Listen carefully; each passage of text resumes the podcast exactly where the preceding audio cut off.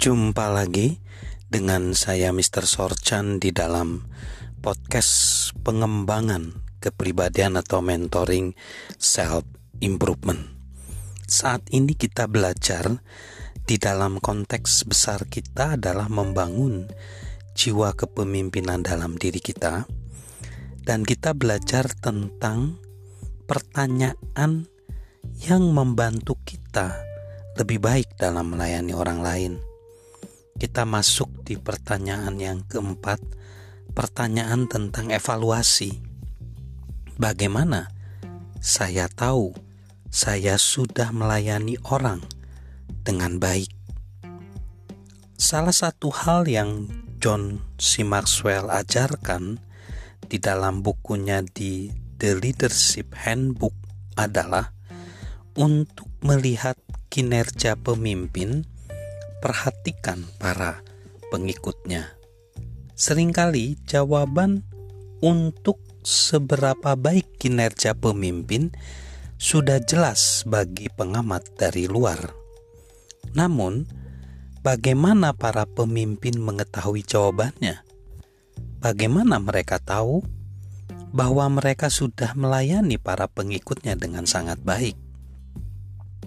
Suatu hari, John meluangkan waktu satu jam untuk membimbing pemimpin muda yang berpotensi luar biasa. Salah satu hal yang ia tanyakan pemuda itu kepada John adalah apa hal penting yang perlu saya ketahui dan lakukan ketika saya mulai membangun kepemimpinan saya.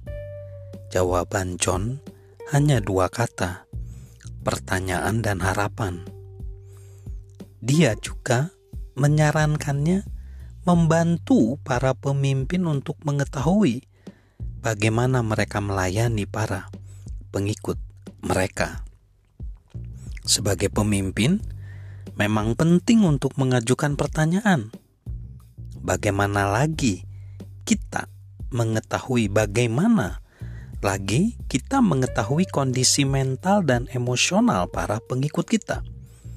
bagaimana kita mengetahui keinginan dan kebutuhan mereka, bagaimana kita mengetahui cara memimpin mereka.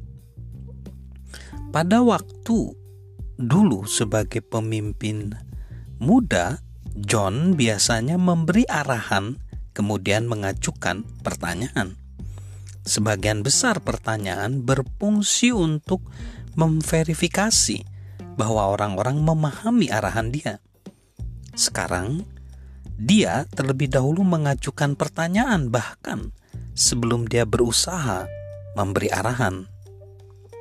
Menentukan harapan juga penting. Di masa muda, John akan berusaha menyelipkan harapan di setiap percakapan dengan anggota tim, memberitahu mereka sedikit demi sedikit berharap bahwa seiring waktu mereka akan memahami, sehingga dia tidak harus terlalu memberi arahan.